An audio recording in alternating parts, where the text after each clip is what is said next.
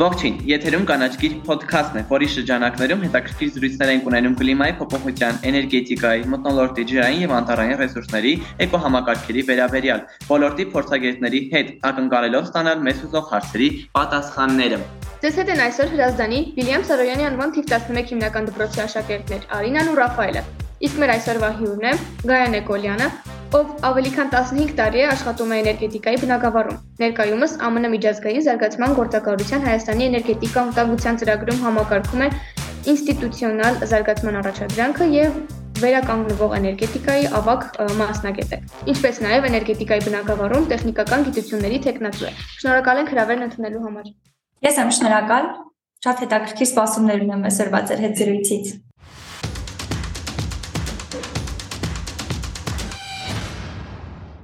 Եվ եթե թույլ կտաք միանգամից հնչեցնենք առաջին հարցը, ինչ է առասարակ իրենից ներկայացնում արևային վահանակը եւ ինչ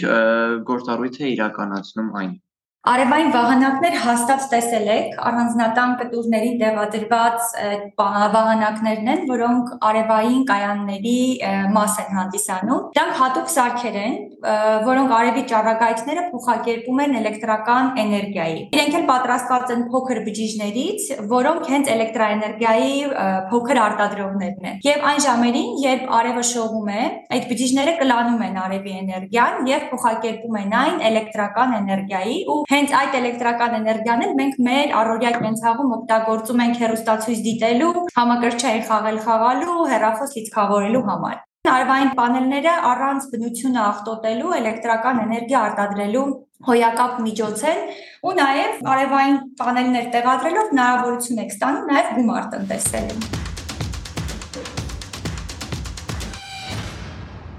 Արևային էներգիան անվճար համարել չենք կարող, քանի որ ներդրումներ է պահանջում։ Հետաքրքիր է, թե ինչքանով են կրճատվում մարդկանց ծախսերը։ Իհարկե, արևային կայան կառուցելու համար ներդրումներ են անհրաժեշտ։ Ցանկացած ապրանքի համար էլ վճարում ենք, չէ՞։ Այս դեպքում կայան տեղադրելով օգնում ենք եւ բնությանը, եւ մեր գրպանին։ Իրեն պատկերացնենք որպես բիզնես ծրագիր է։ Սկզբում գումար եք ծախսում, հետո սկսում եք դրանից եկամուտ ստանալ։ Առաջին տարիներին ստացած եկամուտը ուղում եք կայանի արժեքը փակելու։ Դրանից հետո արդեն կայանի արտադրանքը ձեր համար մաքուր օգուտ է ստացվում։ Արևային կայանները նախ նվազեցնում են, իսկ առավել հաճախ զրոյի են հասցնում, օրինակ ընտանիքի կողմից էլեկտրական էներգիայի համար վճարման ենթակա գումարը։ Ասենք ամսական, եթե ընտանիքը վճարում է օրինակ 10000 դրամ էլեկտրաէներգիայի դիմաց, երբ որ տեղադրում եք արևային կայան, մեծ հավանականությամբ դուք ոչ մի դրամ ամսվա կտրվածքով չեք վճարելու։ Եվ տարվա վերջում էլ, եթե ձեր կայանի ամբողջ արտադրանքը չեք կարողացել կարողացել օգտագործել, դրա դիմաց էլ արդեն դրամային փոխհատուցում եք ստանալու։ Եվ ստացվում է, որ էլեկտրաէներգիայի դիմաց վճարելու փոխարեն դուք վճարում եք ձեր կայանը ձեռք բերելու համար, որն մի քանի տարի հետո արդեն սկսում է ձեր համար եկամտի աղբյուր հանդիսանալ։ Արևային կայաններ կարող եք կառուցել ձեր տան կարիքների համար, ընկերների, հարևանների հետ օգտագործելու համար եւ զուտ իր արտադրած էլեկտրաէներգիան վաճառելու համար։ Այսինքն հնարավորություններ շատ կան թե քաղաքացիների համար, թե բիզնեսի համար։ Քանի որ գիտենք, որ ամեն մեդալ ունի երկու կողմ եւ դուք բավականին շատ նշեցիք այս արևային համակարգերի առասարակ լավ կողմերը, կասեք ինչ բացասական կողմեր ունի այս տեխնոլոգիան արտադրության, տեղադրման, օգտագործման ընթացքում եւ որոնք են բնությանը հասցնող վնասները։ Շատ լավ դիտարկում է ու շատ ակտուալ հարց է մեր օրերում, որովհետև գնալով արևային կայանների տեղադրողների քանակը ավելանում է եւ արդեն մարդիկ սկսում են մտածել, թե որքանով կարող են դրա արտադրության ու օգտագործման process-ը ել ավելի բնության համար անվտանգ դարձնել։ Ամենաառաջինը, որ կարող ենք ասել, այդ արևային կայանների հենց զուտ տեխնոլոգիական առանձնահատկությունն է, այսինքն իրենք օգտագործելի են միայն արևային ժամերին։ Եվ օրինակ անպամած եղանակին իրենց արտադրանքը նույնպես քիչ է։ Այսինքն, եթե դուք ոչ արևային շատ օրերով տարածքում եք ապրում, միգուցե արևային կայան կառուցելը ձեր համար տնտեսապես էֆեկտիվ չլինի։ Մյուս խնդիրը, որը կրկին էլի ակտուալ խնդիրներից է, դա հողի օգտագործումն է, որովհետև արևային կայանները, երբ որ արդեն մեծ հզորության կայաններ եք կառուցում, իրենք համապատասխան քանակի հողատարածք են պահանջում եւ արդեն հարց է ցակում նպատակահարմար հողատարածք գտնելու ու նաև, չգիտեմ, գյուղատնտեսական կամ ինչ որ կենթանական աշխարհ ունեցող հողակտորներին չվնասելու հարցը։ Քանի որ արևային էներգիայի սթանման գործիքներին այսպես ակտիվ ներգրաված եմ, այստեղ պարտադիր ուզում եմ նշել, որ ինչքան էլ բացասական ազդեցություններ ունենան արևային կայանները, միևնույն է, երբ որ նժարի վրա դնենք դրանց առավելությունները եւ խնդրահարույց կողմերը, միևնույնն է առավելությունները գերակշռելու են։ Թեկուզ այն դեպքում, եթե վերցնենք օրինակ համեմատելու հանածո վառելիքի հետ, հանածո վառելիքով էլեկտրաէներգիա արտադրող կայանների դուք շեշտեցիք, որ մենք հենց սկզբից առանձնատան ուրեմն տանիքներին տեսնում ենք արևային վահանակներ։ Արդյոք դուք ունեք առանձնատուն եւ արդյոք ունեք նաեւ արևային պանելներ տեղադրած։ Այո, ունենք, երբ որ որոշեցինք մենք մեր տան համար կայան կառուցել, ինքը այդքան էլ ոնց որ բիզնես նպատակներ չէր հետապնդում, այլ ավելի շատ, քանի որ իմ առօրյայում հենց ներգրավված եմ վերականգնվող էներգետիկայի օրենսդրական բարեփոխումներում, այդ ցանկություն կար դրան մասնակից լինելու։ Եվ նաև շատ հետաքրքիր է անցնել այն process-ների միջով, որոնց հետ կապված ինչ որ դրույթներ դու գրում ես ու նաև մասնակից դառնալ ես բնությանը օգտակար եւ արդիական գործին։ Արդյոք դուք խորհուրդ եք տալիս օգտագործել դրանք Հայաստանում եւ ինչ է նշանակում արևային քարտեզ։ Քանի որ ասացի, որ ինքս ինքնավար էներգոարտադրող կայան ունենք, միանշանակ խորհուրդ եմ տալիս, որովհետև եթե համեմատեք ձեր ուրիշ գնումների հետ, որոնք զուտ ինչ որ ապրանք եք ձեռք բերում, ինչ ժամանակ օգտագործում եք, մաշվում է, հա, էլի հաճույք է ձեզ մնում այդ process-ից, բայց այս դեպքում դուք կարևոր ու հետաքրքիր գործի մասնակից եք դառնում եւ բնությանն եք օգուտ տալիս եւ կարողանում եք տնտեսումներ անել եւ նաեւ օրինակ եք ծառայում ձեր շրջապատի համար։ Օրինակ, երբ մենք պանելներ տեղադրեցինք, մեր տարածքում այդքան շատ կայաններ չկային, ու արդեն հարևանները գալիս էին, հետաքրքրվում էին, ինչ հնարավորություններ կան եւ այլն։ Բնականաբար նաեւ ոնց որ տարածողն եք դառնում, այսինքն միանշանակ եմ խորհուրդ տալիս։ Իսկ ձեր մյուս հարցը արևային քարտեզների հետ կապված, արևային քարտեզը ինքը գործիք է, որը օգնում է հաշվել թե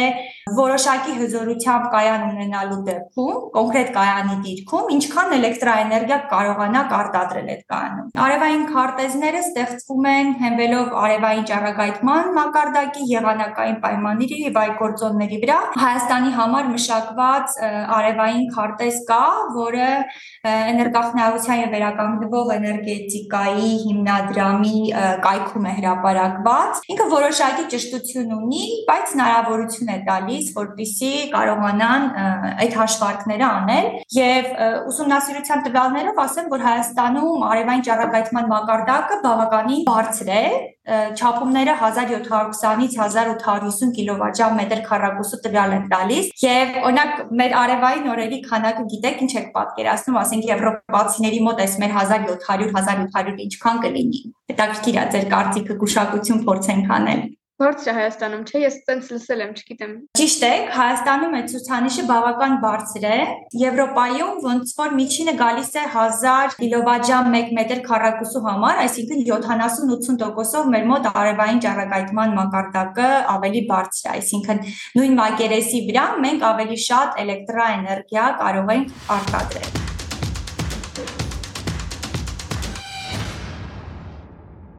Արդյոք պետությունը խթանում է արևային վահանակների օգտագործումը։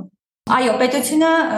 տարբեր գործիքներ ունի վերականգնվող էներգետիկան Հայաստանում խթանելու համար։ Դրանք աջակցության սխեմաներ են, Այն փուլում, երբ որ կայանը փորձվում են կառուցել, այդ ժամանակ պետությունը առաջարկում է հարկային արտոնություններ, երբ որ արդեն կայանը կառուցվել է եւ սկսում է էլեկտրաէներգիա արտադրել, այդտեղ էլ արդեն այլ գործիքներ կան։ Օրինակ, կայանների խումբ կա, որոնց արտադրած ամբողջ էլեկտրաէներգիա միշտ գնվում է եւ այդ կայանների համար էլ սահմանված է հաստատուն սակագին։ Իրենք հստակ պատկերացնում են, որ մոտակա տարվա ընթացքում իրենք արտադրած ամբողջ էլեկտրաէներգիան կգնվի կոնկրետ գնով։ Լինել տարիների ընթացքում ճշգրտվում է հաշվի առնելով արտարժույթի փոխարժեքը եւ գնաճի տատանումները։ Շատ էլի գործիքներ կան, օրինակ հողի տրամադրման հետ կապված արտոնություններ կան, երբ որ էլեկտրական ցանցին են միանում, այդտեղ իրենց էլեկտրաէներգիան առաջինը կարգավարելու հնարավորություն կա։ Այդտեղ ավելի տեխնիկական աջակցության սխեմաներ էլ կան վերականգնվող կայանների համար եւ ասեմ որ այս ներդրված գործիքներն են որ վերջին տարիներին դուք ամեն քայլափոխի ավելի ու ավելի շատ արևային կայաններ եք տեսնում թե փողոցում թե մարզեր շրջելիս Գանե Կոլյան, նորից շնորհակալ ենք հետաքրքիր զրույցի համար ու համոզված ենք, որ ոչ միայն մենք, այլ մեր ունկնդիրները շատ նոր բաներ բացահայտեցին այս հաղորդման շրջանակներում։ Այդ բացահայտումներից մեկ այն էր, որ երբ որ ունենան առանձնատուն, միանշանակ պետք է տեղադրեն արևային վահանակներ, որովհետև դրանք իրոք հարկավոր են ու շատ խնայում։ Մենք դա հասկացանք։ Դե իսկ մենք հիշեցնենք, որ եթերում կան աչքիր ոդքասթներ։ Մենք հասանելի ենք գրեթե բոլոր հարթակներում, այնպես որ բաժանորդագրվեք ոդքասթին նոր հաղորդումները բացի թողելու համար։ Իսկ մենք կհանդիպենք շատ շուտով։